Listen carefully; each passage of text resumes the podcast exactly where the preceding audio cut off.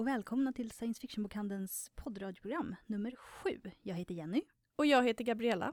Idag ska vi prata om barn och ungdomslitteratur eh, inom science fiction, fantasy och skräck och liknande. Dessutom har vi en intervju med en eh, ungdomsförfattare som heter Anders Björkelid som har skrivit berättelsen om blodet. Och sen har vi eh, faktiskt även en intervju med eh, personerna som har gjort det nya rollspelet MUTANT. Och den intervjun görs av vår medarbetare Andres som eh, även har ett eget poddradioprogram som jag tycker att alla ska lyssna på. Och det heter Chasing the Dragon. Det handlar om spel. Precis, det handlar om brädspel framförallt. Eh, och som vanligt kommer jag avsluta med eh, lite diverse tips på olika saker. Som vi nyligen har sett och läst. Ska vi gå in på dagens tema då? Barn och ungdomslitteratur som man kallar i Sverige. Och sen finns det ju teen och young adult som är väl den översta gränsen för det programmet ska röra sig om i den, på den engelskspråkiga marknaden. Ja, det är lite lustigt det där för att eh, när vi säger barn och ungdom så menar vi ett mycket, det är ett väldigt bre, brett spektrum.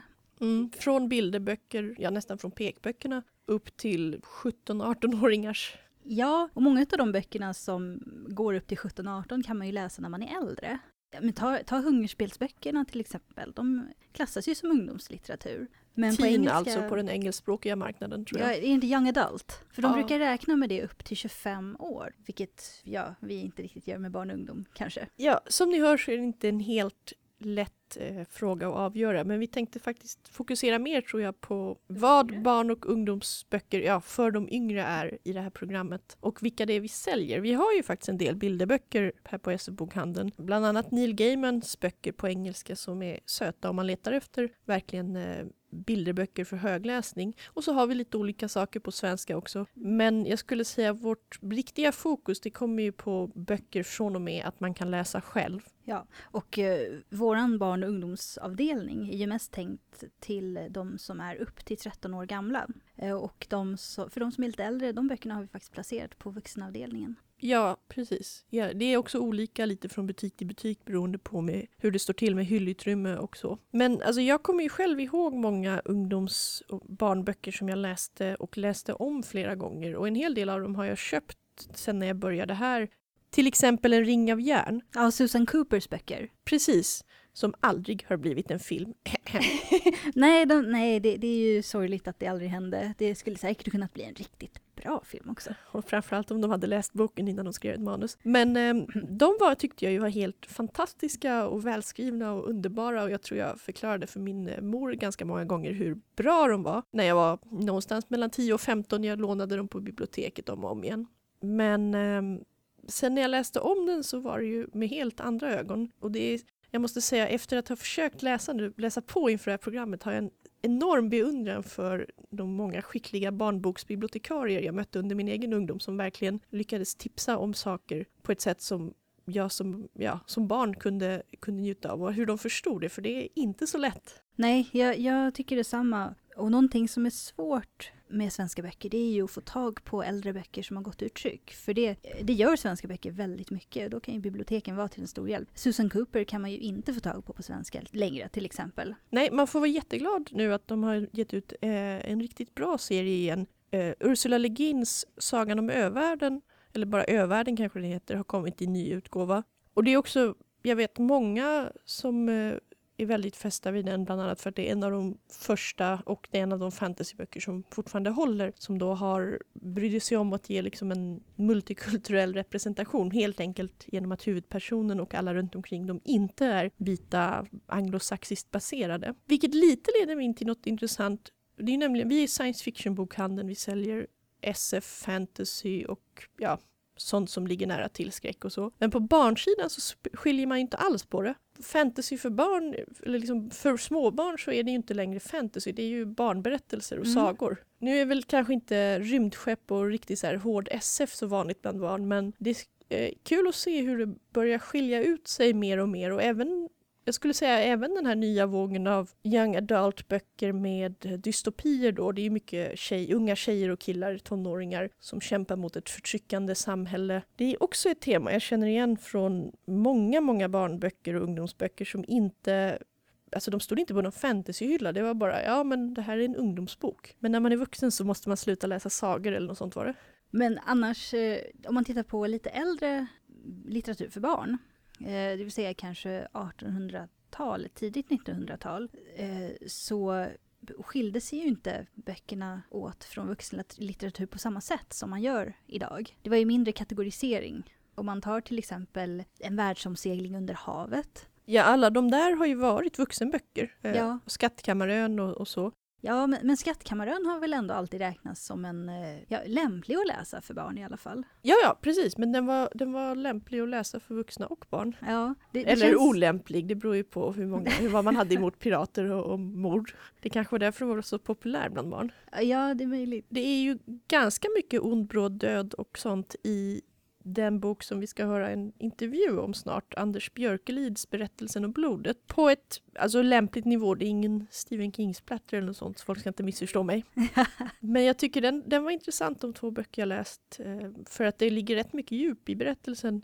Går att läsa på flera nivåer. Ja, det tycker jag. Det är ju en av de böcker som jag tycker eh, hamnar eh, på gränsen. Det går alltså utmärkt att läsa dem som vuxen. De är bra, de är bra på många nivåer. Och det finns, historien är, är lätt att förstå även för eh, barn. Jag skulle kanske inte rekommendera den för någon som är yngre än tio år. Men som vuxen kan man också läsa dem och se flera bottnar i det som, eh, eh som skrivs om. Och eh, framförallt så känner man ju igen, det, det är väldigt, man känner ju faktiskt igen väldigt mycket ifrån historiska källor som han har inspirerats av. Plus att han har ju frångått väldigt mycket det här typiska anglosaxiska Tolkien... Eh, inspirerade medeltids, eller snarare pseudomedeltidsvärlden. För det är ju inte direkt ofta i fantasy en riktig medeltid som det handlar om, utan det är så här, ja men nu tar vi medeltiden och så gör vi den lite värre och lite hemskare. Ja, det beror på. Det finns ju en del, framförallt de där, där man ser i, i bakflärpen på boken att den här personen jobbar som så här, historielärare om Ja. medeltiden på universitetet. Där man är så här, hmm, här, här kommer fyra sidor om hur man sätter potatis. Det var väl, väl instruerande. Ja, eller eh, Elizabeth Moon då. Som i och för sig inte skriver barnlitteratur direkt. Men som skriver fantasy och som handlar väldigt mycket om truppförflyttningar. Man får veta precis hur en armé fungerar. Ja, Och hon, är ju gammal marinsoldat. Precis, Det det, märks märks. även i, i hennes eh, science fiction. De är roliga. Ja. Men eh, Björkelid inspireras ju mer av, jag skulle säga, folkvandringstiden. Det är helt Ja. klart efter romarrikets fall och, och Folkvandringstiden, romarrikets eh, imperium eh, och dessutom väldigt mycket nordisk och svensk folktro. Som han har inspirerats av men inte använt rakt av utan eh, om man tar de här gamla folktroväsena så har han gjort någonting annat av dem. Precis som ja, men så mycket anglosaxisk fantasy faktiskt har gjort. Och inte minst som eh, japaner gör i sin fantasy. Ja, ska vi ta och lyssna på din intervju med Anders Björkelid då? Ja, jag hoppas att den kommer vara intressant.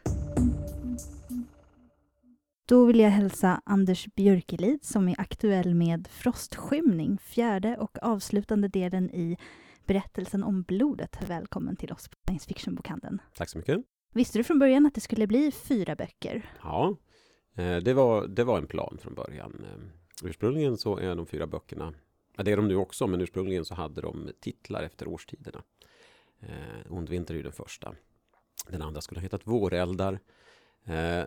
Sen var det lite diffust vad de två senaste sista skulle heta. Men, var det därför du ändrade dig med titlarna? Eller? Nej, det var det inte, utan det var faktiskt förlaget som ville ändra för att de hade redan två serier på gång just då i marknadsföringen som hade årstidstitlar. Eh, Så marknadsföringsavdelningen fick någon sorts härdsmälta och kände att de inte kunde klara av att hålla rätt på alla eh, årstidstitlar. Och det blev bättre. Eh, Den tredje delen hette lite sådär i arbetsnamn Midsommar. Och alla mina försök att få den att stämma med sommar i titeln föll. Så att eh, jag är ganska nöjd att det är så, men det är fortfarande så att de har ett tema. Eh, Det börjar med vinter och sen är det vår och sen är det sommar och, och höst. Mot vinter nu i den sista boken. Och du hade hela strukturen, hela historien var klar för dig när du började skriva eller? Ja, så klar den nu, nu eh, man kan säga att klar är. Den har ju reviderats. Det här är, var ursprungligen skrivet som fyra rollspelsscenarior. Mitten på 90-talet. Ja, du har skrivit en hel del sånt förr. Ja, eh, jag satt i ett, eller arbetade tillsammans med ett eh, rollspelskollektiv kan man säga. Ett litet kotteri som kallade sig Nissenytt. Eh, mest för att det var så fånigt namn. eh, och det här var ett led eh, en gång i tiden att försöka göra något som var för yngre barn. Eh, vi tyckte att vi kanske hade börjat bli lite pretentiösa och lite svåra. Så vi tänkte att vi skulle försöka fånga eh, vår ursprungsklubb som ligger i Mora. Och då var det jag och eh, en kompis som heter Mats Rytter som satte ihop det som var ursprunget till det här. Men sen blev det en, en bok istället. Ja, eh, det tog ju ganska lång tid däremellan innan det började bli böcker. Och det är väldigt mycket som är förändrat. Man kan säga att den här ursprungliga strukturen, den var, det var nog en eh, vikt A4 som vi hade skrivit ner saker på på McDonalds några kvällar. Och jag, jag använder mycket av den fortfarande. Men det räcker ju inte riktigt till flera tusen sidor. Nej, det kanske Och- behövs lite mer utveckling. Ja, eh, så att eh, framförallt så fanns det inga personer som kunde driva det. Ja, hur kom det sig att, du, eh, att eh, de två huvudpersonerna är eh, de här två tvillingarna? Jag kan nästan inte avslöja det, för Nej. att eh, det är en viktig poäng i sista boken. Ja, då ska vi inte avslöja det. Det är, det är nog många som inte har hunnit Nej, läsa den ännu. Den men man kan, man kan säga att det, det är ju en poäng, den poängen har ju att göra med inom berättelsen, varför det är så. Mm. Men man kan ju säga samtidigt att jag ville diskutera olika sidor av saker i böckerna överhuvudtaget. Och en sida där var ju ett genusperspektiv på något sätt. Så därför var det väldigt viktigt för mig att ha Mm. två personer, en flicka, en pojke. Det är väldigt kul att läsa någon som skriver fantasy som, som medvetet eh, petar lite på de här klyschorna som Mm. ändå ska man säga, är ganska etablerade inom Ja. fantasylitteratur. Eh, och inte bara när det gäller genusperspektiv, utan jag, jag tycker även när det gäller gamla traditioner Mm. som ofta i fantasy idealiseras till en Ja, nivå som ja. Mm. nästan är, är lite löjlig. Ja, det gamla har alltid rätt. Ja. Det, det uråldriga är alltid starkare och viktigare än det nya på något sätt. Precis. Ja. Det, och det är en farlig väg att gå på något sätt. Eh, och det, det vill jag jättegärna diskutera. Det, det är en underliggande diskussion i alla de här böckerna om eh, vem som äger sanningen och eh, med vilken rätt man kan hävda att man äger sanningen, om det finns någon överhuvudtaget. Så att så långt som möjligt har jag försökt eh, använda de etablerade klichéer som, som den episka fantasyn har och så försöka se om jag både kan ha, ha kvar dem men få dem att betyda någonting mer. Inte liksom riva sönder, men få läsaren att liksom tro att man är på trygg mark, men sen vrida lite, lite grann till på det. Ja, för annars kan det ju vara, vara ganska lätt att bara vända på det och säga att, och att istället säga att allt gammalt är dåligt och det är det nya Mm, som är bra. mm. Men det känns det inte heller som du har gjort, utan Nej, jag hoppas inte det. Jag hoppas att det inte ska vara enkla svar. Det, det är en, en sak där som oftast dyker upp när man har skrivit eh, just fantasy och man har med en flicka som har ett svärd. Så blir det ofta symbolen för någon sorts form av emancipation eller någon sorts den starka kvinnan. Och någonting. Mm. Och det, det är ju en väldigt platt eh, sätt att vända på det. Och jag Mm. har velat göra det och sen har jag velat diskutera, men vad sjutton, det är väl inte bra att springa runt med ett svärd och hugga ner folk? Vad gör det med dig? Oavsett vilket kön du råkar vara. mm. Så att både ha kanske liksom den här känslan av vad det innebär att ha makt när man kanske inte kände att man hade det tidigare, men vad man gör med makten å andra sidan. Eh, Så att försöker att inte vara för enkel där. Annars, eh, när man tänker på själva världen och världsbyggnaden, Mm. i, när kom den in i, i eh, skrivandet, i berättandet? Ja, den fanns från början. Så jag är inte en, en karaktärsdriven författare.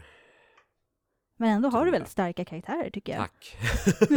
det, är det som kommer sist. Ah. Det finns ju de som, som börjar med karaktären och så ser Mm. vad karaktärerna tar. Jo, många författare som jag pratar med säger det. Ja, men jag, jag tror jag börjar på ett annat sätt och, och det verkar vara så ovanligt så att till och med när jag försökt förklara det här i, i ett samtal så har folk citerat mig tvärtom. För, för att man tror att det är så det går till. Men, men för mig är det inte det. Jag måste börja med platsen. Mm. Jag måste börja med en stämning, jag måste börja med möjligen med vissa scener. Jag, jag har svårt för handling och jag har svårt för karaktärer. Men ändå, ja, det är ju en väldigt spännande handling. Det är svårt att lägga ifrån sig Mm. boken Ja, det är och, och bra. starka karaktärer. Så, Men det där, det där andra, det verkar jag fram känner jag. Ja, Det är liksom karaktärerna, det måste, jag måste bulta lite grann på dem. Och handlingen, handlingen först. Den måste jag bulta färdigt först. Och sen kommer karaktärerna och då, då får de faktiskt finna sig att handlingen är som den är. Och, och jag vet att många författare säger att de blir överraskade av deras karaktärer gör. Och de tar iväg dem på nya sätt. Och det gör inte mina. Om de försöker sticka upp, då eh, hamrar jag tillbaks dem igen. ja. Men jag tänker också på varför ville de göra det här andra? Och vad innebär det nu att de blir tillbaka hamrade i fållan? Hur känner de eh, att, att livet tog dem åt det här hållet? Eh, men, men jag är nog ganska grym mot mina karaktärer på det sättet. Men eh, hur kom det sig att du valde just den här typen av värld? Det, det är ju så att, att jag ville börja med någonting som kunde kännas bekant. Eh, sviten är ju fyra böcker och i början så ska vi vara på de här syskonen Wolf och Sunjas hemtrakter. Ja, jag Eh, måste säga det att, att både språket, svenskan, i Mm. böckerna och alla namn och många företeelser gör ju att man känner igen. Mm. Eh, det känns hemvant, Mm. men gammaldags. Ja, och det är ju också någonting som jag ville göra eh, första steget för att känna det hemtamt för att skriva den här typen av episk fantasy på svenska. Så Mm. tänkte jag, jag får inte låna saker från den anglosaxiska världen. För att det är ju där liksom den genren har blommat upp mest och det är den vi har starkast influenser av i Sverige. Och jag får inte ta det utan jag måste ta någonting som känns eh, som bottnar i svenskt språk som gör det lättare att ta det. Och medeltiden är inte så nära oss eh, i svenska svenskan men däremot är det som jag hämtade mycket från här, fäbodkulturen, Ja, eh, 1800-talet, det som etnologin har bevarat väldigt mycket i svenskan. Det tror jag vi, vi ser i Sverige som någonting gammalt, även om det kanske inte är så gammalt. mm. Eh, och då går det att använda de orden och det språket och det sammanhanget. Och det där är Wolf och Sonjas värld i början. Det är fäbodkulturen, det är egentligen mina hemtrakter i, Mm. i Dalarna. Lite blandat med, med Österrike som någon sorts överdri- för att överdriva det lite mer. Eh, så att tanken är att där skulle det kännas hemtomt för både mig och kanske även för språket och läsaren. Och sen öppnar vi lite mer åt andra håll. Ja, Jag, jag tycker det man känner igen lite... Eh, Astrid Lindgren använder lite samma typ Mm. av eh, ordval på många sätt. Ja. Och om man läser det som barn så känns det nog, eh, som, för, som för mig då, så kändes det hemtamt. Jag har inte tänkt på det, men det, det ligger ju någonting i att hon har säkert jobbat på samma sätt. Hon har ju liksom skrivit böcker om bondekulturen Ja. i Sverige. Ehm, romantiserat den till och med. Och säkert skapat vår bild av, av Ja. den. Men antagligen så, är, så finns det en likhet du ser är ju säkert därifrån. Att vi bottnar i samma sorts ursprung. Medan så många andra tror jag försöker skriva som översatt fantasy. Det, det ser man, men sam, det finns ju inte så mycket fantasy på Nej. svenska, framförallt inte ny fantasy. Eh, och läser man eh, fantasy på engelska, eller anglosaxisk fantasy, det är ju väldigt mycket som kommer från USA. Mm.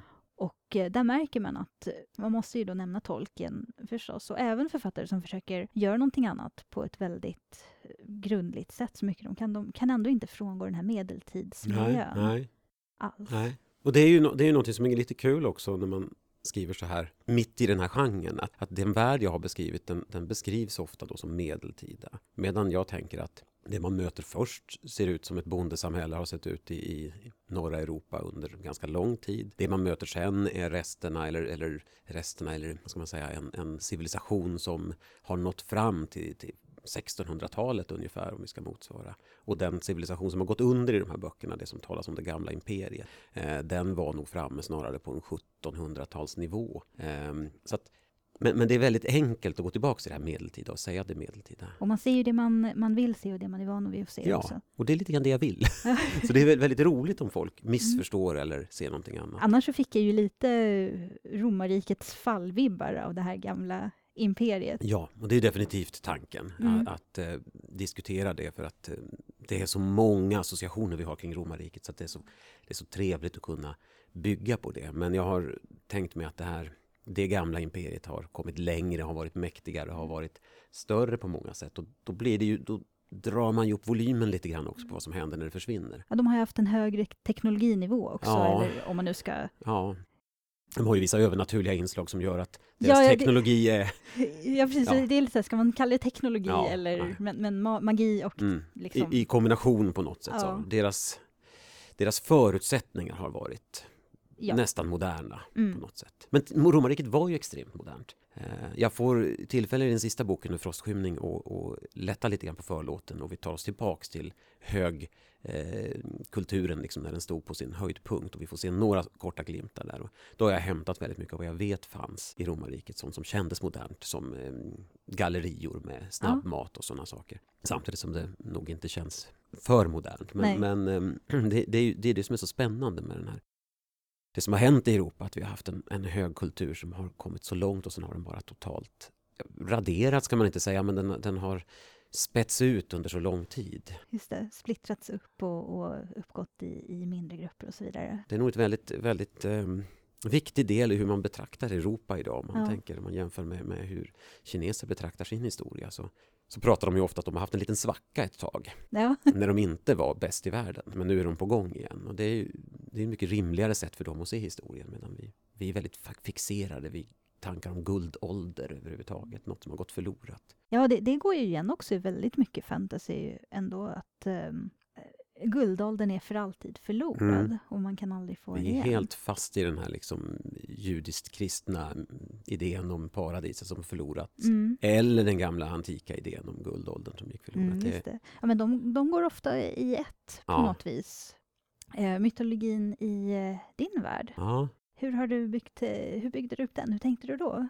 Återigen så vill jag bottna i det bekanta, så att ursprunget är ju svensk folktro. Mm. Ehm, jag får ofta höra att det handlar om folksagor, men, men jag vill ju bottna i, i sägnerna snarare, det som folk har trott på på riktigt. Det beror ju lite grann på vad man, hur man, man själv skiljer på saga och sägen, men, men gör man det så märker man nog det.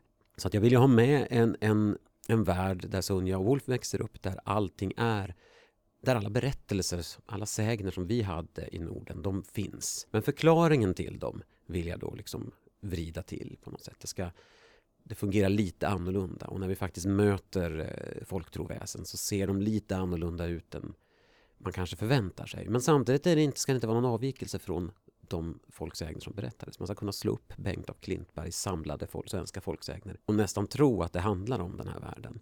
Vet du, det, det måste jag säga, det påminner ju mer om, om japansk fantasy. De gör ju så mycket med sin folktro. Eh, och, och på många sätt tycker jag mer lika vår gamla folktro än, eh, än man skulle kunna tro från början. Ja, de plöjer i sin mylla liksom Ja. på, på ett annat sätt. Och jag menar, det är klart, den, den är ju lånad delvis från kinesisk Ja, folktro också så där, så att det är inte så att det är så stor skillnad mellan våra inlån från anglosaxisk. Men, eh, men jag tror också de, de, är, de är närmare den biten. Nu verkar det vara en trend i Sverige att gräva i svensk folktro. Så att, ja det, har, Eh, blivit- det har blivit mycket sånt på sistone ja. tiden och det, det är kul faktiskt. Det är kul eh, att se allt det här. Ganska Mm, spännande. Mm.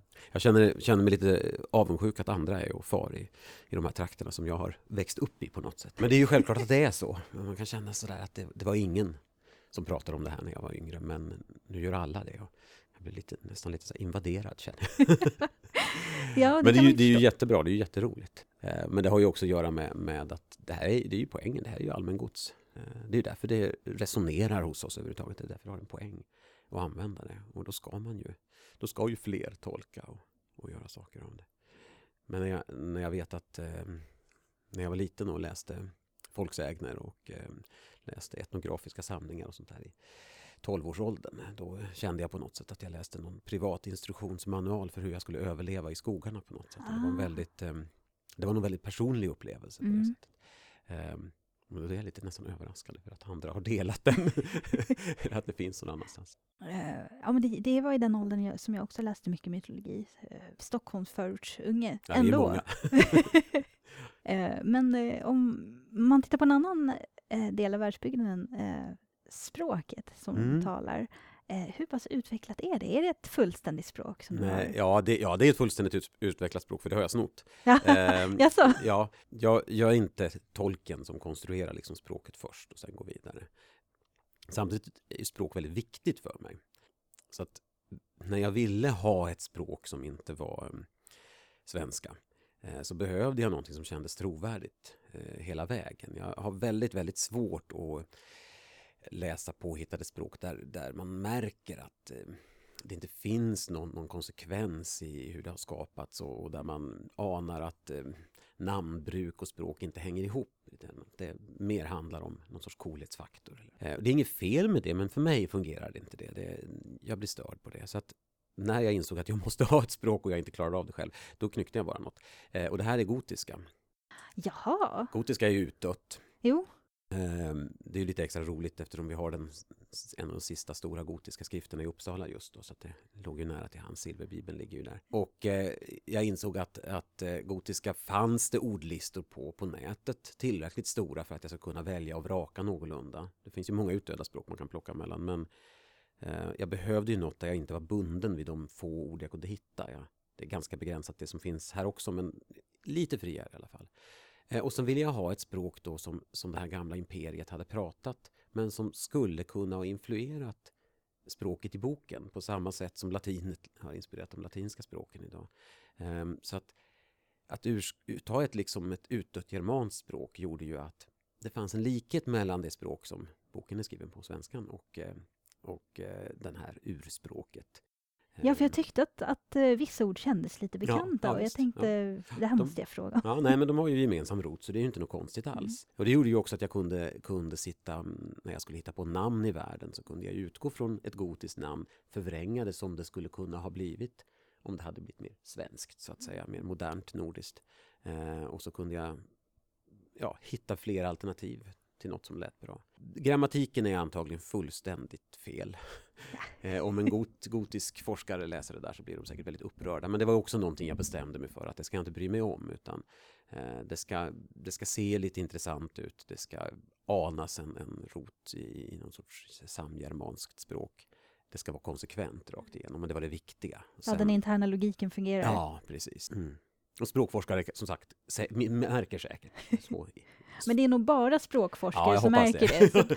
De, de är inte så många. Nej, och det är ju alltid så. Man kan inte skriva en bok utan att experterna kommer att hitta, liksom, på just sitt område kommer de att hitta något som inte stämmer. Och det, man får försöka mm, komma till en viss nivå i alla fall. Ja. Annars får man bara skriva om det man absolut kan bäst och det är svårt. Men det, det var ju ganska kul att, att ha det i grunden. Det innebär också att jag försöker rensa svenskan från franska lånord och engelska lånord så mycket jag kan. Men inte tyska. Inte tyska lånord, nej precis, för då finns en naturlig utveckling på det. Så att, eh, det har jag inte hållit hela vägen ut, men, men de ord som jag tycker stack i ögonen på mig, chans till exempel, vill jag inte använda någonstans, utan det är Ah. konsekvent ersatt med möjlighet. Så, så finns det den möjligheten att jag liksom hittar en, något som är mer germanskt, eller åtminstone det låter mer germanskt, så har jag tagit det. Eh, men det får inte bli för konstruerat samtidigt, det får Nej. inte bli för styltigt, utan jag försökte hitta någon sorts balans. Ja, det är ju också svårt när man skriver på, på lite mer gammaldags svenska. Mm. Att, eh, att det, men jag tyckte inte att det var... Eh, jag, jag tyckte inte att det blev så. Det, det är bra. För det är verkligen ett mål. Men det är olika. Jag har, har fått läsarreaktioner som sagt att det är så många ålderdomliga ord. Det är så svårt att ta sig igenom. Och jag har frågat vad är det för ålderdomliga ord? Ja men gärdsgård. Ja, det är väl Oj. inte ålderdomligt. Oj, tänker jag. ja men för vissa är det väl det då. Eh, och då är det ju... s- Man kan som sagt inte nå alla med, med sina ambitioner där. Nej. Nej, anna, annars tycker jag ju ändå att eh, ja, okej, det dyker upp ett och annat ord som man kanske inte har hört på länge eller som man kanske inte har hört alls. Det var något ord som jag nu inte kommer ihåg vilket Nej. det var naturligtvis, men det var så, vad är det där aldrig hört för. Men om man nu läser det här som ungdom Mm. så är man ändå i den åldern som man letar upp sådana här Ja, ord och man lär sig ju precis. väldigt mycket Mm. på det här. Jag menar, när man själv läste böcker som liten, det var inte så att man kunde alla ord i de böckerna. man ju vilken bok det fortfarande inte. Nej, Nej. Eh, Och jag tror att det är eh, snarare ger mer av läsupplevelsen om, Mm. man, om man faktiskt eh, måste anstränga sig lite grann. Ja, jag, jag är, nu är jag ju lärare också, så Ja. det finns ju en pedagogisk tanke nästan i allt man gör. Men, men jag, jag tänker ju oftast så här att det är ju bättre att möta det svåra eh, och känna att man måste lära sig det än att hela tiden möta saker som är precis på den nivå man klarar av.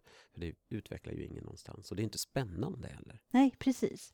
Alltså det, det blir ju en del av känslan av världen. Mm, ja, jag orden. tycker det. det. Det är just faktiskt det världen består av, språk. Eh, och då, är det, då vill jag gärna välja någorlunda, så, så mycket jag hinner. Svårt, men som var deltidsförfattare så hinner man ju inte sitta och nagelfara sin text så mycket som man skulle vilja. Jag tänkte det, hur, hur är det att vara författare och samtidigt ha ett annat... Är det ett heltids... är Ja, det rullerar på heltidsjobb, heltid? ja. precis. Eh, ibland känns det väldigt svårt. Ja. Eh, Med ibland- familj också? Ja, med, med, min äldsta är sju och min yngsta är snart fem. Så att de är inte så, så självgående än heller. Men jag har en, en, em, en disciplin, en, en, em, ett system för att hålla liksom mig på banan. Och det är att skriva varje kväll när barnen har somnat. Oavsett alla omständigheter så skriver man varje kväll och så skriver jag 300 ord. Ehm, och sen är det färdigt. Ja, det är fantastiskt att ha en sån disciplin. Det är inte alltid det lyckas. Men, men det är viktigt att, att, ehm, att ha liksom ställt upp vissa regler för sig. Misslyckas jag så behöver jag inte skriva igen till exempel. Det är det farligaste som finns om man känner att man har kommit efter och så måste man ta igen det. Då kommer man aldrig börja skriva igen för då känner man så småningom att nu är det för mycket att skriva igen. Så nu är det ingen idé. Så att det är 300 ord oavsett hur mycket jag skrev eh, dagen före. Och blir det mer än 300 ord så får jag inte räkna det till godo heller. Och så får det ticka på helt enkelt. Ja, och kanske ha en... Hur, hur är det nu? Är det lättare, tycker du, att liksom ha... Jag vet att många författare vet inte riktigt hur det ska sluta Nej. alltid när de skriver. Jag tror att man måste ha något sätt att upprätthålla spänningen för sig själv. Eh, att bli överraskad av sin text. Men vad, vilken del man blir överraskad av eh, ser ju olika ut för olika författare. Precis som du säger vet jag många som, som vi måste bli överraskade av handlingen.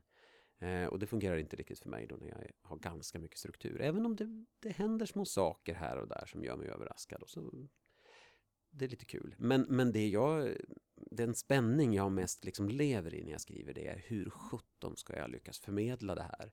Jag vet att, att eh, om i slutet på det här kapitlet ska det här ha hänt. Hur ska jag få läsaren att förstå att det är det som händer på ett spännande sätt? Och det blir jag alltid överraskad själv när det går. Eh, och jättesur när det inte går då. Ja. Så att, eh, det, det är det som håller spänningen i processen vid liv för mig. Jag behöver inte det där liksom, hur, vad ska hända, utan jag, är, jag lever mig in så pass mycket i, i spänningen ändå så att jag får nästan hjärtklappning. Eh, det är nästan skönt att veta att det slutar på ett visst sätt i ett kapitel för mig. Ett led i att göra det här, var det, var det att välja första persons perspektiv? Eller eh, hade du någon annan tanke bakom det? Ja, den, det har jag en, en tydligare tanke på. Eh, det är ju det växlar lite grann i böckerna. Jag har vissa inslag där det inte är det. Men, men att det är första persons perspektiv, det har faktiskt att göra med att allt det här är berättelsen om blodet och den berättas någonstans eh, för någon. Och det är det som Frostskymning, den sista boken, handlar om. Eh, så att allt det här är inte bara berättat i böckerna utan det är berättat inom böckerna också i jag-form. Eh, och det finns en förklaring till varför vi byter berättare ibland till och med. Jag blev väldigt fascinerad av hur det i början, precis i första kapitlen i Ond vinter, Mm. är berättad från båda tvillingarnas det. synvinkel. Viet som, som Ja. eh, berättar jag. Det finns hos Karsten Jensen i Vi det drunknade eh, också. Eh, men till mitt försvar kan jag säga att den kom ut medan jag skrev Ond vinter och redan hade skrivit de kapitlen. Det var, det var ju väldigt kul. Det föddes inte som någon sorts planerad tanke egentligen utan det var någonting som dök upp eh, medan jag skrev det. Men, men när jag hade skrivit de första kapitlen där så hittade jag en gammal anteckningsbok eh, från sådär fem år bakåt där jag hade skrivit kan man göra om Ondvinter till roman? Och så nästa tanke var, skulle man kunna berätta den i vi-form? så att tydligen är det någonting som jag haft med mig ett tag, den idén att göra det. Men det är ju en vattendelare också för många läsare. Det finns de som säger att det här hatade jag, klarade inte av att ta mig förbi det här. Eller till och med de som inte förstår vad det är. Vem, vem är berättaren, säger de. Och det, jag tycker det är kul. Eh, Det är roligt om det, om det kan vara ett motstånd redan från början. För vissa verkar bara sugas in i det och andra blir alldeles ställda. Och det, det är kul. Jag vill peta runt lite grann i folks huvuden. Ja, men det utmanar folk lite grann. Ja, ja visst. Ja. Det, det ska inte vara för snällt. Ehm, och faller folk bort, ja, ja då får de väl göra det. Man kan inte göra alla nöjda. Nej, det går faktiskt inte. Det, det är hopplöst. Jag tror inte man gör någon bra bok om man gör alla nöjda heller. Nej, och, och ja, jag försöker för ofta tycker jag att göra det. Det är viktigt att verkligen gå åt raka motsatt håll ibland och tänka så. Och jag tänker ofta det när jag skriver, undrar hur läsaren skulle vilja att det hände här. Och så tänker jag, men det ska det inte göra. men så vill man ju ändå liksom ha någon sorts form av tillfredsställelse i det som händer ändå. Då. Men, men em, det är ju lätt att bara dra undan mattan för läsaren, lämna den ensam. Men, men det är kul det där att tänka, nu tror jag att alla tänker så här. Då ska vi se vad vi kan ta det. En elak författare. Ja, ja det är det delvis. Och, och jag jobb, jobbar med läsare på det sättet. Och jag skickar ut, jag har en, en läsare, en god vän som heter Sven som läser det mesta jag skriver. Och jag läser för min hustru också. Och när jag ser deras reaktioner då jobbar jag ganska mycket med det och tänker mm, nu vill jag nog inte att de ska förstå det här riktigt än, det måste vi gömma. Eller ja, nu tänker de så, det är helt okej att tänka så för att det tänker jag slår dem i huvudet med lite senare. Ja, det var, det var flera bitar i, i eh, under tiden som de var fångade inne i eh, eh, och jag vet inte hur man ska uttala det nu, den här delen av stan. Kasan. Ja, Kasan. Ja, just det, precis. Ja, jag, jag var lite, är det Kasan eller Kassan? Kasan, det, det är ett gammalt gotiskt ord för skomakare. Aha. Det är egentligen vårt arbetarkvarter där. Så har det Ja, eh, glidit över. Blivit finare kvarter då.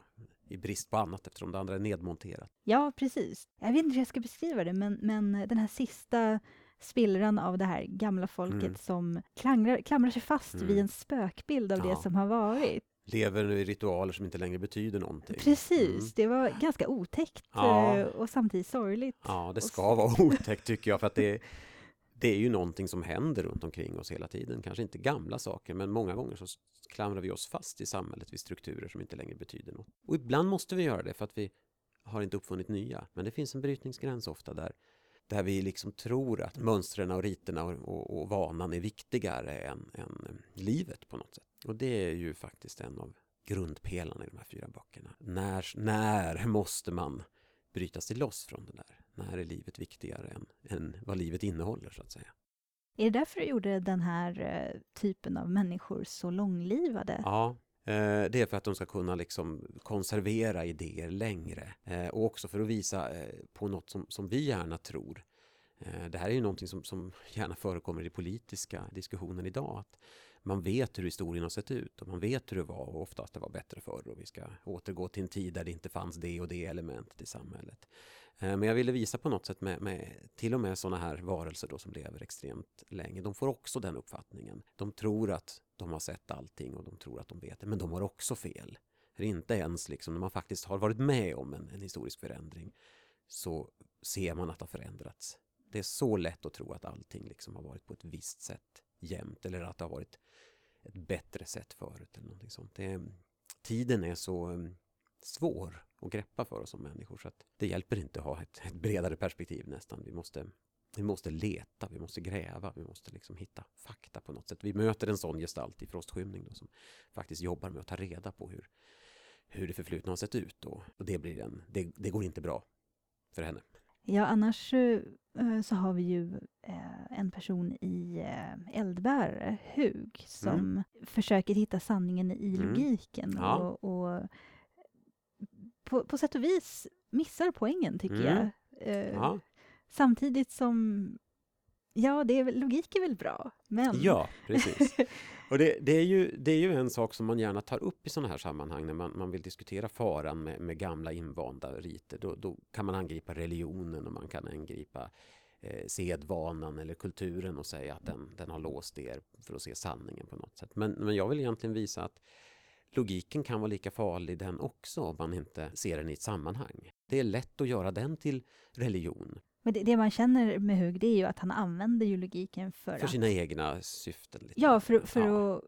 att eh, blunda för någonting. Ja, precis. Och det, det går att göra det. Ja. Och som sagt, det är inget fel med logik och det är inget fel med vetenskap. Det är ju givetvis väldigt viktiga krafter. Men det är, jag tror det är farligt att bli för blind och tänka att det också är en, en enkel frälsning. För vetenskapen, om den, när, empirin när den fungerar, det är ju att alltid ompröva sig själv.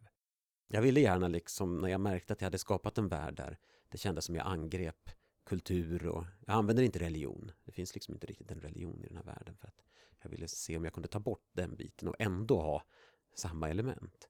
Men, men sedvanor och hävder och, och riter och så vill jag säga, men det, det måste även finnas någonting att diskutera i det nya och det som, som är, ska vara en motsatsförhållande till det här. Det ska, måste finnas faror i det också. Och vi återträffar Hug igen i Frostskymning. Ja. Och då, då driver jag liksom den, den diskussionen ett steg till. Då. Jag fick ju också, det är kanske en liten parentes, men jag fick ju lite Sherlock Holmes-vibbar av honom där när han träffade Ja, första gången. ja visst, det, det är det ju. Det är ju ett, ett Det var ju jätteroligt. en, en billig poäng nästan, men Nej, det tycker jag inte. Eh, ibland, jag kan inte låta bli riktigt att att låna från, från den typen av populärkulturella saker ibland. Jag, Nej, men när man gör det på den nivån tycker jag bara Ja. att det är kul. ja, det, är bra att, det är bra när det fungerar så. För att jag har också velat vara lite sådär tydlig med att det här är en avstängd värld som vi inte ska kunna referera till vår så mycket. Men, Mm. men ibland är det svårt att göra det. Det finns i Ond vinter finns det ju tydliga paralleller till eh, Karate Kid. Eh, med mästaren som tränar eh, Ralf Macchio genom att göra rörelser som inte Ah, har med, ja, med, med träningen att så- göra. Alltså undrar Ja. som lär sig svärdsfäktning genom att jobba på åken och sådär. Eh, men jag hoppas att det är lite sådär begravt så du inte ska skrika i ögonen för mycket. Nej, jag, jag tänkte faktiskt inte på det. Det var hemskt länge såg den filmen, men nu Mm. när du säger det så visst. Men, men det var ingenting som... Det passade. ja, det, Konceptet passade. Det var svårt att undvika det bara för att det kunde leda till associationer där. Men ja, lite kul också sådär. Eh, men det där är ju, det är ju en balansgång också på något sätt. Hur mycket vill man ta in? Jag vet när jag pratade med Erik Granström och har skrivit Svavelvinter och sådär. Han, han gör ju tvärtom. Han gottar ju sig lite grann i, i att ta in referenser till vår värld eh, och stöpa om dem och blinka lite grann till oss. Eh, och det blir ju en väldigt rolig effekt tycker jag. Och båda vägarna är ju farbara på något sätt eh, ja, det är en allvarlig känsla Ja, i boken, i böckerna. ja jag känner att jag är lite mer gravallvarlig och mörk. Jo, apropå träningen som, som barnen, som tvillingarna Mm, då går ja. igenom, eh, så är det ju väldigt kul att se hur tvillingarna väljer den väg som de inte bör välja Mm, enligt traditionen. mm. Men det tycker jag är en av de allra intressantaste delarna Ja. med böckerna. Och det, det, är ju, det är ju det är ju det mest liksom det som är präglat av vår värld mest på något sätt. Att, att jag står på individens sida i alla de här sakerna. Och det är ju, det är ju mitt, mitt starkaste, eh, min starkaste ledstjärna i hur jag tänker på, på de här gestalterna. Och hoppas jag ju jag tänker i verkligheten också. Att det är ju det individuella valet som måste vara det viktiga på något sätt. Och om, om vi hindras av eh, strukturer som, som är onödiga så är det ju något som är fel. Ibland hindras vi av någonting annat. Men det, det finns ju väldigt många eh, intressanta frågeställningar i, i dem. Men eh, jag undrar, ehm, vem, vem, vilken typ av person tänkte du på när du skrev böckerna? Vem riktar du dig till egentligen?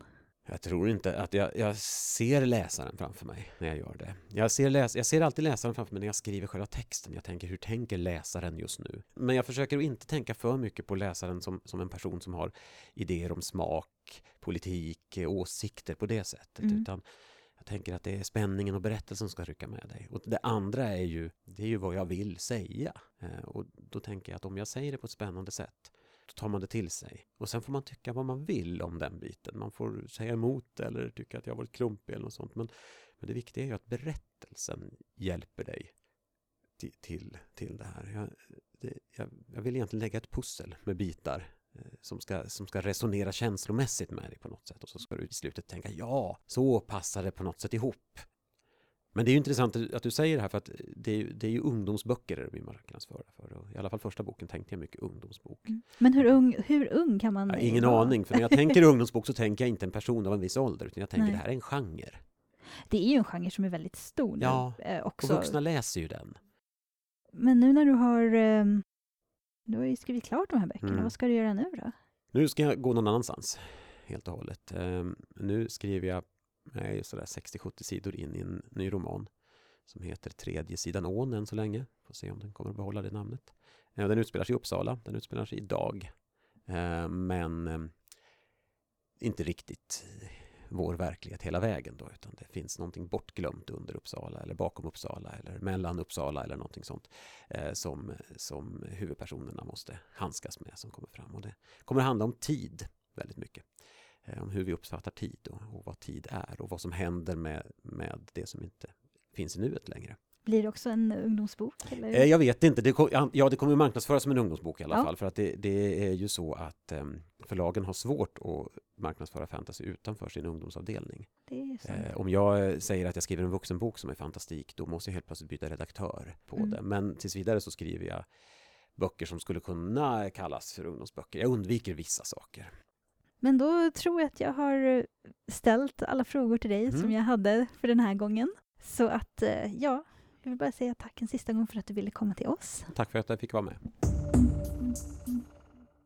Ja, det var vår intervju med Anders Björkelid. Ja, och det var faktiskt väldigt roligt att prata med honom. Han eh, hade väldigt mycket tankar bakom allting han har skrivit. Jag tycker det märks när man läser böckerna. Och eh, jag tyckte det var en ganska smart lösning att ta ett existerande, fast dött språk, som gotiskan. Om man inte är en språkprofessor som tycker om att äh, uppfinna språk på fritiden. Ja, men alltså Tolkien har väl också tagit, vad är det, finsk grammatik och keltiskt uttal tror jag, för någon av sina alviska språk. Ja, ja, visst är det så. Varför gå över bäcken efter vatten eller vad det heter. Men eh, det jag tycker verkligen känns i hans tema och som också är en del av konflikten, det är ju det här med den, den ganska hotande vintern som är en bild Ja, framförallt kölden. Ja, precis. Som är en slags eh, eh förstenande stagnans, en, en kraft som, som verkar för stagnation, verkligen. Som, som står emot förändring. Mm. Som vill uppnå en slags eh, oföränderlig evighet. Eh, han, han, eh, temat är verkligen att, att för att leva så måste saker och ting förändras. Ja, precis. Det märks ju att han på flera sätt är emot stagnation och det här äh, folk, blodets folk har ju också det problemet inom sig. Att det är så många grupper som bara vill fortsätta som förr ungefär. Mm. Och, och, han, eh, det pratade vi också om i intervjun, att, att han eh, vill ha bort det här att det gamla ska idealiseras och den gamla kulturen var en guldålder. Och det som han sa, det är ju också någonting som eh, vi har i Europa, ett slags arv från romarriket. Att mm. det har funnits någon slags gyllene ålder som vi aldrig kommer kunna uppnå igen. Ja, och det finns ju verkligen i mycket fantasy-litteratur. Eh, ju mer man läser, desto mer i alla fall om man är jag, så kan man irritera sig på det, i alla fall se mönstret. Det Ja. har diskuterats också ibland. Jag vet, det finns i diverse tidskrifter om fantastisk litteratur att tittar fantasy bara bakåt och vill de bara ha kungar igen och tittar science fiction framåt eller är det Mm. mer komplicerat än så? Det kommer jag ihåg till exempel från eh, Raymond Feists gamla Midkemia-böcker, eller snarare hans Imperiets dotter, som han skrev med Gianni Wurtz. Att det hela slutar, nu spoilar jag men de är riktigt gamla, The Daughter of the Empires och som inleder en trilogi som slutar med att de sätter en rättmätig konung på tronen. Som då blir en arvkonung dessutom. Det är inte så Mm. att han på något sätt, han var en ovanligt bra snubbe utan de bara nej vi ska ha bort maktspel och ränker. Och nu när jag har läst mer historia och även en hel del em, just om det japanska feodalsamhället, men jag tror det är mer en slump att det var där mina intressen hamnar, så tror jag att jag förstår vad han ville, se, ville säga. Att de här adelshusen som kämpar mot varandra, det var inte så bra. Och liksom att, att nationsstaten kan vara en bra nästa steg. Men eh, när jag som tonåring läste den, då var det väldigt så här, Jaha, så den bästa lösningen på ert problem det är att samla all makt hos en person och vad gör ni när hans barnbarnsbarn är inavlat och helt galet eller vad då? Ja, det, det är frågan. Det är ett problem som jag tycker uppstår i mycket fantasy, bland annat för att man stödjer sig så starkt på Tolkien och, och hela Ja. den här Aragorn och, och Gondolin. Men Tolkien beskriver ju inte en värld som, ja inte en riktig värld som funkar enligt, hur ska jag säga, våra regler. Det är ju en, en, eh, Det är en myt snarare Precis. än fantasybok. det är en Ja. myt, ett epos. Ja, det, det är det. Och, och där handlar det ju mycket mer om... ehm, där, där är arvtagaren alltid värdig för att han, han är en del av den här släkten, punkt slut. Det, det, man behöver aldrig tvivla. Det finns ett öde som på ett helt annat sätt har fingret med i spelet Ja. än modern fantasy brukar vilja tillåta. Mm. Vi kan ju nämna i förbifarten Edding som också skriver ungdomsfantasy. Eh, men som då tyvärr har gått ur tryck på svenska. Går nog antagligen inte på biblioteket dock. Eh, han har ju faktiskt också den här världen där, där, eh, ja, där det finns en profetia som säger att eh, ja, den här personen ska ärva tronen och man vet att den här personen kommer vara värdig för att det finns en profetia och gudarna styr det här. Mm, de, är, de är mer som naturlagar. Jag kan ju nämna också att både Belgariaden och Maloriaden finns ju sam- på engelska har vi dem i såna här samlingsvolymer Mm. så man får flera böcker i en. Det är storpocketar. Det är, det är bra eh, böcker att börja med om, det är ganska enkel engelska. Så om man vill börja läsa på engelska och är ja, mellan högstadiet, jag vet inte hur. Man börjar ju läsa engelska så tidigt nu för tiden. Mm. Eh, men där måste jag ju säga att, eh, att eh, berättelsen om blodet av Anders Björkelid bryter väldigt mycket mot många gamla stil, stildrag inom fantasy. Och ifrågasätter väldigt mycket det här och ifrågasätter både det gamla och det nya. En annan av böckerna vi har läst nu, Törnrosnyckeln av Tone Almhjelm, som jag skulle säga riktar sig till yngre läsare, någonstans 8 till 12 kanske, passar bra för, som högläsning också. Den vänder på en annan av de gamla fantasy-klyschorna skulle jag säga i och med att huvudpersonen Linn hamnar i en annan värld där hon träffar sin sork igen som då är ja, stor som en människa. Han, han gick bort, han gick hädan ur våran värld och har hamnat i de älskade husdjurens värld. Och där är det alltid vinter. Och hela, hela äventyret som växer fram där utgår, handlar mycket om att de måste rädda den här världen och för att rädda den måste man då framkalla barns glädje genom en speciell magisk nysnö. Och sen är det intriger och mysterier. Det är väldigt stark sagostämning. Men det är ju en intressant vändning för det första man tänker på att man hamnar i en annan värld och det är alltid snö. Det är ju naturligtvis Narnia och Vinterhäxan. Men eh, trots att författaren i övrigt är rätt traditionell med en saga och, och man kan gissa vilka som är onda och goda och så och det blir aldrig riktigt, riktigt för hemskt. Så har hon ju här gjort någonting ovanligt, framförallt för våra vidder där, där kylan är det bland det värsta vi kan tänka oss. Men jag tycker den är fin. Den var kanske lite för ungt riktad för, för min smak, men det är en mysig liten bok. Ja, man får försöka sätta sig in hur man skulle ha tyckt om den när man var tio kanske. Eller Ja. åtta, Ja, för oss som började läsa tidigt. och jag måste säga att det är också Alltså, Narnia har en stor del skärm, men den är ju ganska mossig på många sätt. Ja, Och eh, det tycker jag ju Törnrosnyckeln gör mycket bättre. Det är skönt med de här nya, nya berättelser som, som tar beprövade bra koncept. Även Mm. Terry Pratchett har gjort en sån Nation som jag bara antar att jag har nämnt någon gång för att den är jättebra. Om man vill ha äventyr på en öde ö och, och eh, barn som har spolats i land av en storm och så. Men med ett helt annat djup och med mycket, mycket mindre av den kraftiga rasism som man hittar i mycket gammal 1800-tals äventyrslitteratur. Det är jättesvårt om man ska eh, visa sina barn klassiker, alltså klassisk ungdomsbarnlitteratur. För att det är väldigt mycket rasism och sexism i Mm. dem. Det, det är svårt att komma undan. Eh, även fast det är oftast väldigt bra berättelser så Ja, det, det, det är saker som man inte såg när man läste dem själv första gången och läser man om dem så är det ibland nästan så att man baxnar lite. Ja, precis. Man får ju prata igenom det men utan att komma med pekpinnar så är det ju saker som man säger ja det här kanske hade varit kul om någon hade pratat med mig om. Mm. Men det är roligt också att det kommer som sagt nya böcker Mm, med modernare språk, modernare idéer mm, och som absolut. plockar upp saker som man ändå vet funkar. Ett annat exempel på det är ju Neil Gaimans Kyrkogårdsboken som eh, är ganska inspirerad ändå av Djungelboken. Fast istället för att hamna då, ett barn hamnar i djungeln så hamnar han på en eh, kyrkogård och de andarna och de andra väsena som finns där är de som uppfostrar honom. Den är väldigt rolig. Och Gaiman kan sina berättelser. Han är jättebra på sagor och myter och väver ihop allt så att det känns som en egen berättelse men ändå speglar många andra saker man har hört förut. Ja, och apropå eh, ovanlig barnlitteratur.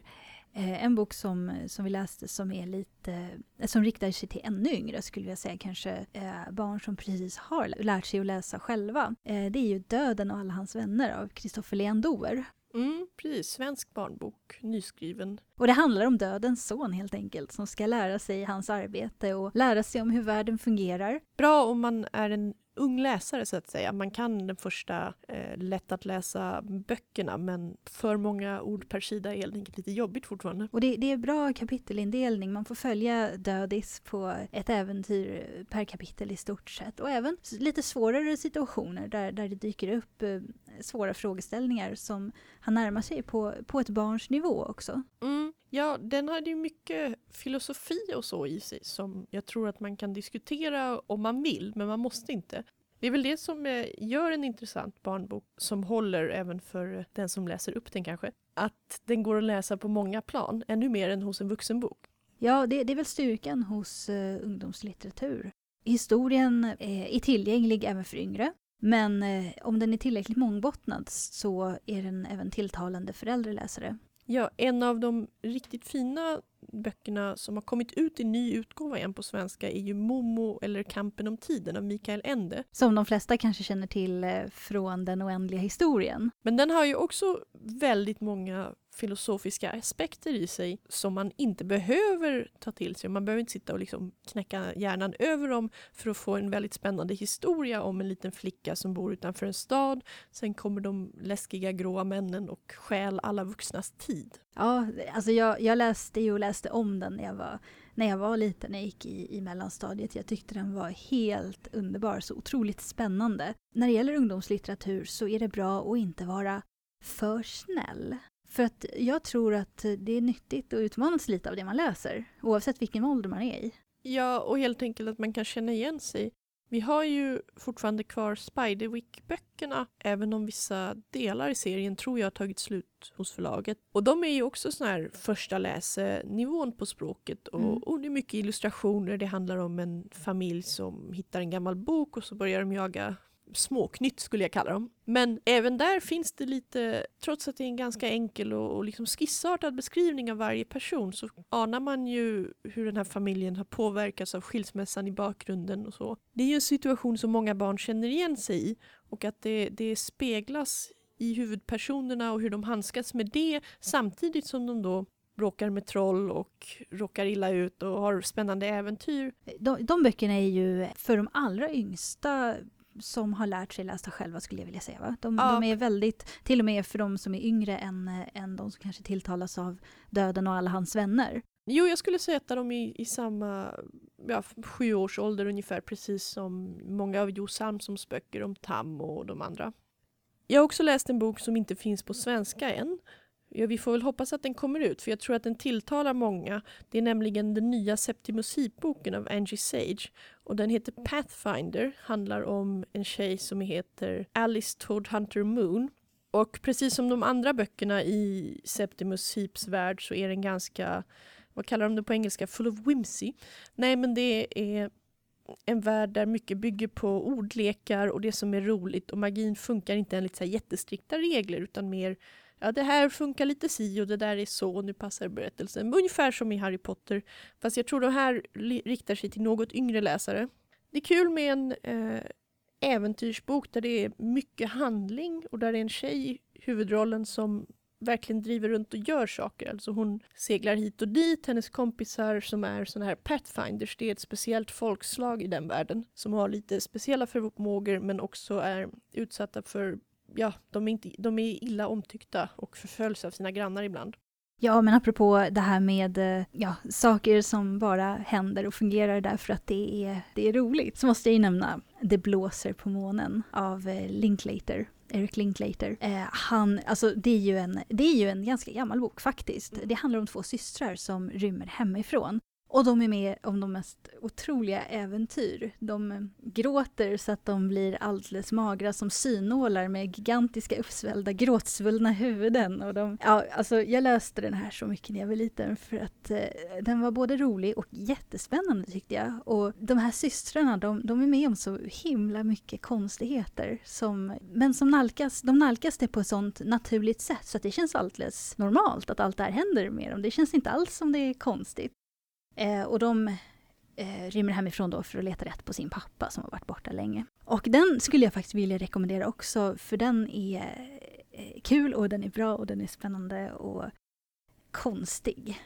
Nej, den här är inte, inte riktigt så konstig. Det är mer en, en äventyrsberättelse och, och det handlar då om Tord som hon gillar att kalla sig och och hur hon kommer upptäcka sin magi och sen finns det någon ondskefull lady som håller på och kidnappar folk hit och dit och portaler och så får man träffa hela Septimus-familjen fast det har ju gått ett par år. Men det är mer som en, en traditionell fantasyhistoria ja. fast uh, utan ett väldigt strikt logiskt uppbyggt magisystem. Precis. Det jag tyckte var bokens starkaste sida var just att det hände mycket. Det är rejält med action. Kapitlen är rätt korta men det händer hela tiden någonting och hon får liksom in förvånansvärt mycket story, Angie Sage, på de här orden.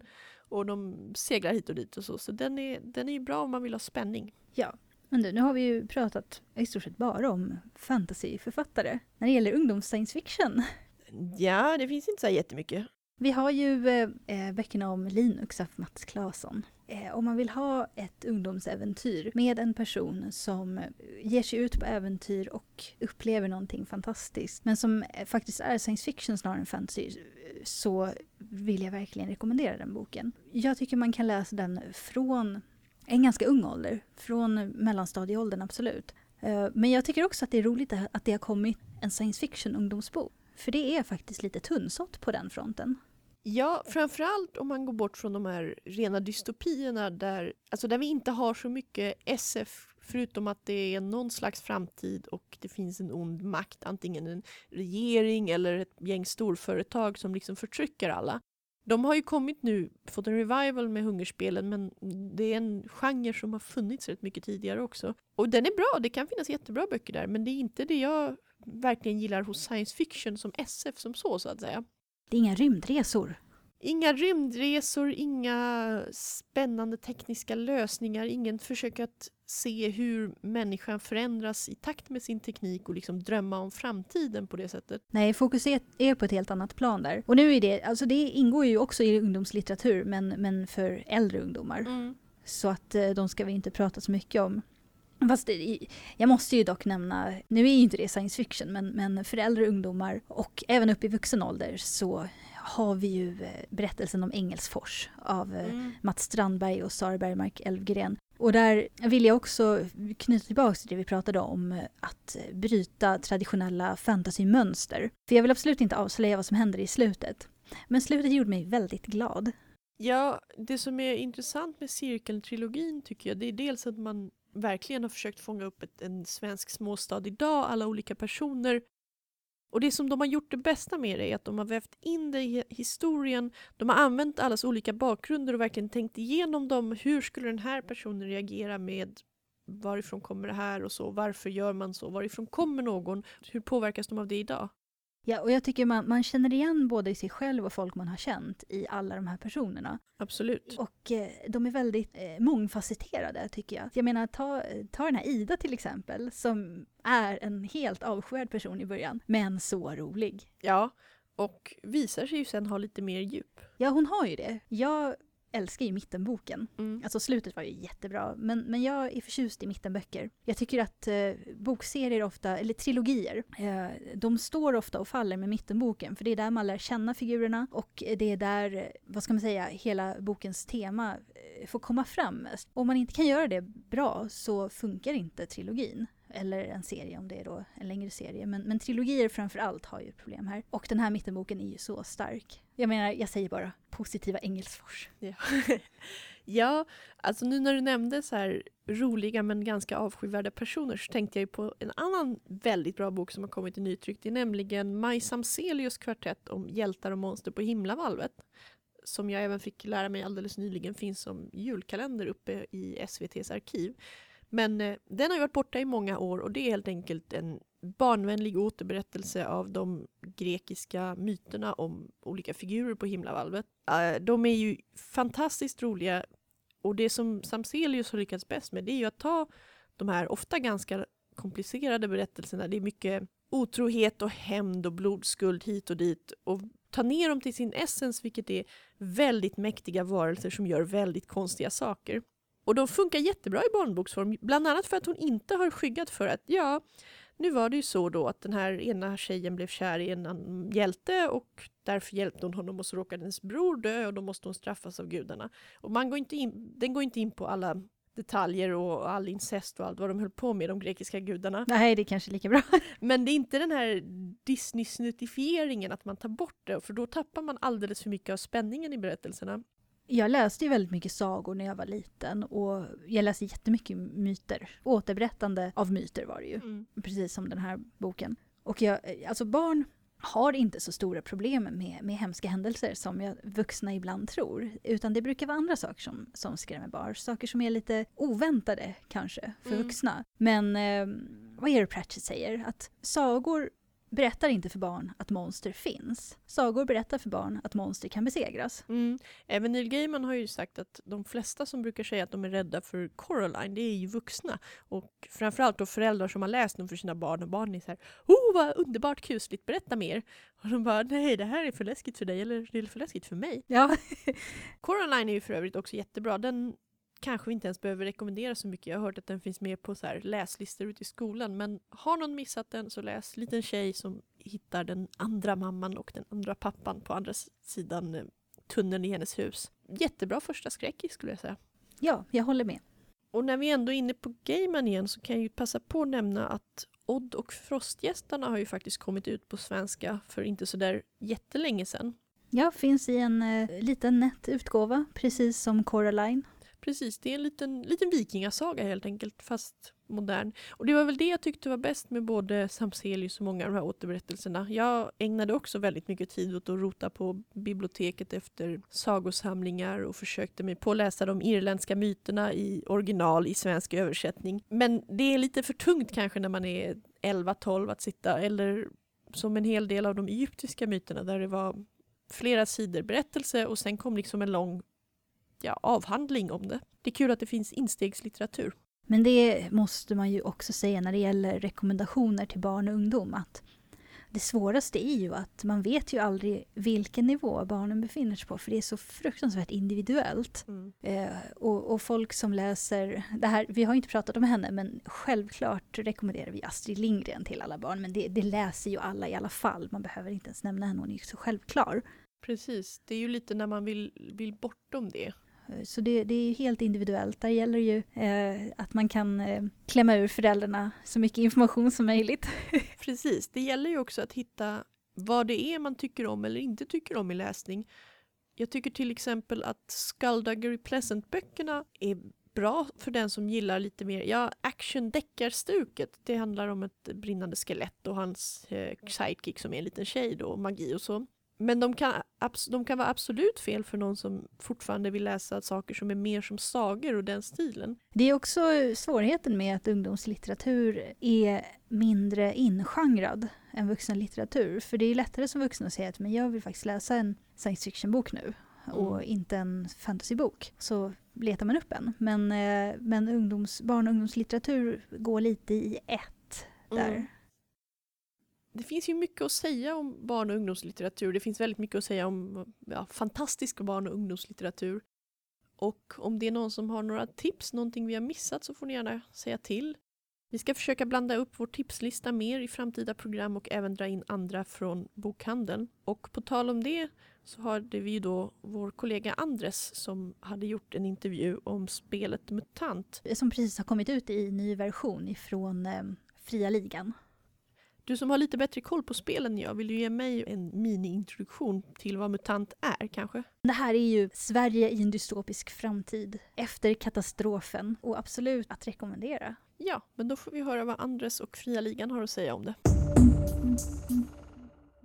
Ja, MUTANT år 0 är den eh, senaste nya utgåvan av det klassiska rollspelet MUTANT. Eh, gjort av oss i Fria Ligan AB som är en nystartad spelstudio. Jag har tidigare gett ut Svavelvinter och spelet om Morwale, två andra väldigt bra nya svenska rollspel som alla borde spana in. Men MUTANT då, det är vårt största projekt hittills eh, och vi, eh, det är åter placerat i en klassisk box, en eh, riktig spelbox av gammalt eh, äventyrsspelssnitt. Eh, den är riktigt välmatad den här boxen. Det är två böcker, eh, en för SL och en för spelarna. Och eh, spelarboken beskriver mycket om den här, ny, den här världen eh, och förstås hur man agerar i den, eh, mutationer, färdigheter och sånt. Medan SL-boken beskriver spelets backstory, vad som har hänt innan, beskriver mer om världen och hur man agerar som SL. Eh, det Stora skillnaden mot tidigare utgåvor av MUTANT är att vi har, eh, det är, här är en slags prequel. Det är eh, MUTANT Begins, eller vad man ska säga. Det är, vi har backat bandet några hundra år till en tid innan det fanns stater och städer och eh, den, det relativt civiliserade samhälle som finns i, i eh, tidigare versioner av MUTANT. Utan här är, ett, här är man med och skapar den nya civilisationen från noll kan man säga. Man, Därav namnet. Eh, man börjar i någonstans i den ruinstad eller ett ruinlandskap som kallas zonen och eh, utgår där från en bosättning som man skapar. Man har stöd för det men man också gör en del val tillsammans i gruppen för att skapa den här bosättningen. Bosättningen som kallas för Arken, där mutanterna bor. Och sen handlar spelet om dels att man eh, interagerar med de andra mutanterna i Arken. Det finns ju ett maktspel, eh, intriger där. Och den andra delen av spelet är att man ger sig ut i zonen och utforskar den. Eh, både för att hitta eh, teknologi, eh, mat, vatten, vad det kan vara, men också för att söka sanningen om var man egentligen kommer ifrån. För det är den stora eh, spelets stora tema är egentligen att utforska var mutanterna kommer ifrån, deras ursprung, var, vilka de egentligen är. Eh, vilket också är den kampanj kan man säga som följer med redan i grundboxen. Eh, där finns en, en, en kampanjberättelse, inte beskriven i varje detalj men, men i, i vilka byggstenar man kan använda eh, och sen en ganska maffig final med handouts och kartor och, och alltihopa. Eh, som då man kan ta sig till den här finalen på väldigt många olika sätt och man kan spela tusen sidospår om man vill eller gå direkt mot målet precis som man känner. Men det är det som ändå är det övergripande temat att utforska eh, mutanternas ursprung. Regelmässigt skiljer det sig också ganska mycket från eh, tidigare versioner. Vi har utvecklat ett nytt system som använder en del fina specialtärningar med eh, Radiac och Biohazard-symboler på som är kul att rulla. Men eh, har man spelat tidigare utgåvor av MUTANT så kommer man ändå känna igen sig ganska mycket. Rollformuläret ser bekant ut, eh, man har grundegenskaper och färdigheter precis som tidigare. Så vi har verkligen genomgående med det här spelet försökt behålla eh, det bästa av det gamla och förädla det eh, och också eh, lägga till eh, lite nytt. Så eh, det är väl i korthet MUTANT år 0. Idag har vi suttit här på sci-fi bokhandeln i eh, SF-bokhandeln måste vi säga, i Gamla stan och haft litet speltest med folk som har varit intresserade. Eh, för att visa hur lätt det är att komma igång med MUTANT och noll. Att skapa rollpersoner som här gick på kanske 5-10 minuter för helt oinvigda personer. Och sen körde vi ett litet äventyr som kommer dyka upp i några framtida produkter. Um, I övrigt så har det varit mest snack med olika personer, förklara reglerna, lite signaturer av spellådor. Och på det hela väldigt trevligt. Då har vi kommit till våra eh, allmänna tips. Jag har ju då inte läst så värst mycket annat än all denna ungdomslitteratur. Jag var faktiskt helt fast i eh, berättelsen om blodet. Det var så otroligt spännande. Eh, så jag har inte läst någonting annat, men jag har däremot tittat på Hannibal. Den är inte för barn. Den är inte för barn.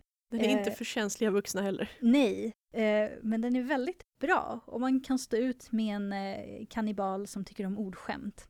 Vi pratar alltså nu om den nya tv-serien om Hannibal Lecter. Första säsongen har kommit på DVD. Och skaparen står ju även bakom Pushing Daisies som var väl lite av en kulthit skulle jag säga. Den ställdes ju in rätt snart. Men det är Brian Fuller, som han heter, har med Hannibal äntligen lyckats krossa sin förbannelse att få alla sina tv-serier inställda efter två säsonger.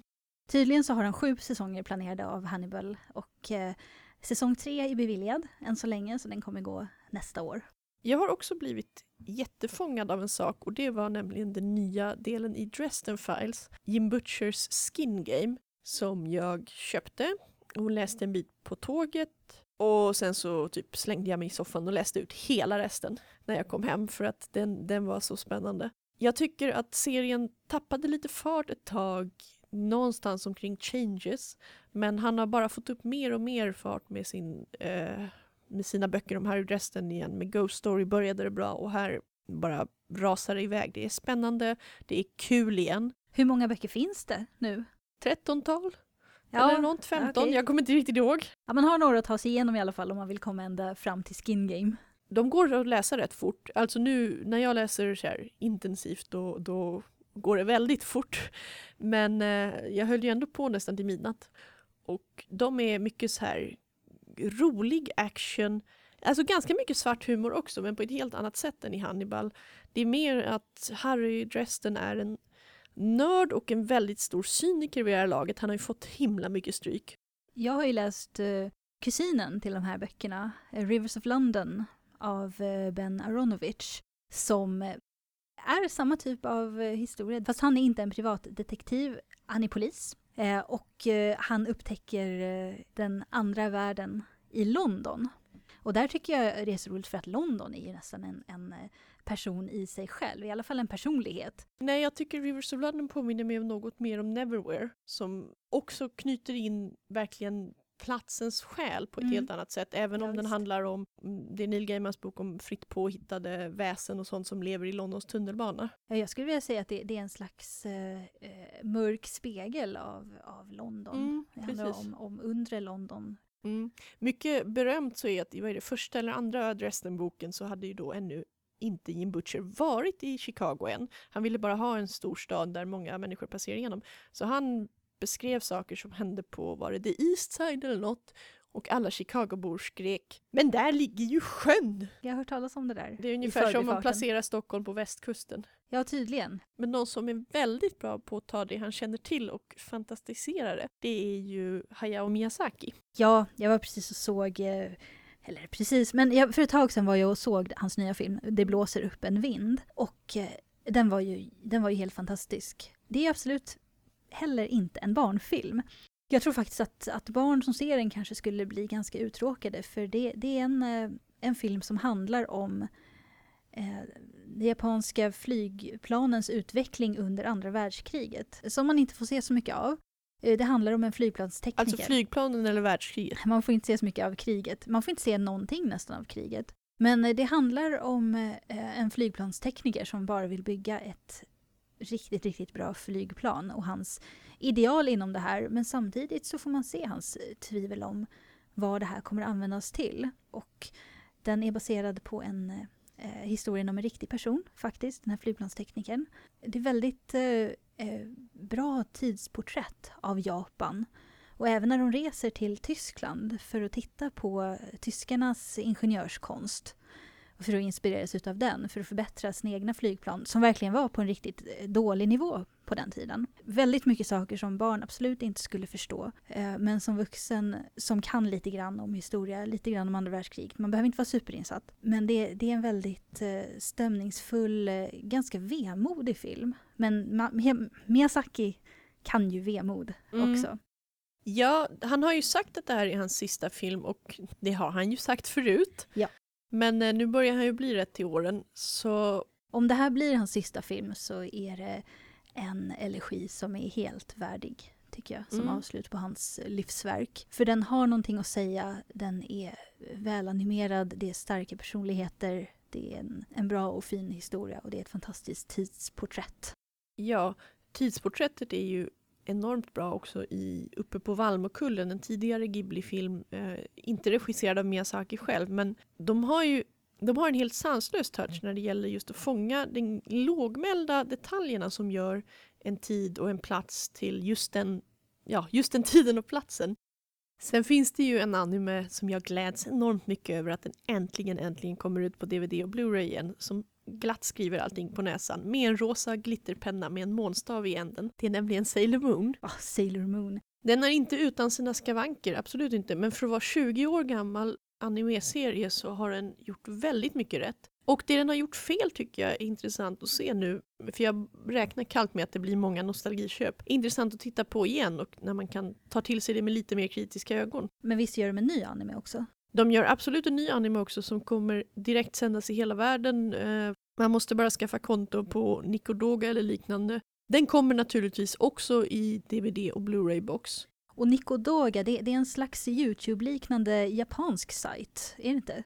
Ja, precis. Och du kan även... Det som är lite lustigt med den är att den började ju som en ganska eh, nischat nördprojekt. Till skillnad mot Youtube skulle jag säga, som alltid har varit rätt... Vi lägger upp dina videor så att säga. Det, det, är inte, det var inte ett community på det sättet. Det är att folk kan skriva i text som rullar över videon och sen kan man stänga av eller sätta på det som man vill. Men jag tror att det är allt vi har hunnit med att titta på och läsa och så vidare till det här programmet. Och när vi nu är på slutklämmen så vill jag bara återigen tacka Andres och tipsa om hans Chasing the Dragon podcast om man är intresserad av rollspel, brädspel och sånt. Det finns en länk från våran poddradiosida. Vi måste ju naturligtvis även tacka Dani Kristensen som har gjort vår fantastiskt fina nya jingel. Och är det någon som har åsikter på vår jingel eller på programmet eller så, så vill vi jättegärna höra dem. Och nästa program, som blir nummer åtta, så har vi en intervju med Karen Lord som har skrivit eh, The Best of All Possible Worlds. Och så har vi dessutom eh, lite intervjuer från seriemässan. Serier och science fiction, det är temat framöver. Precis, tack för oss. Tack så mycket!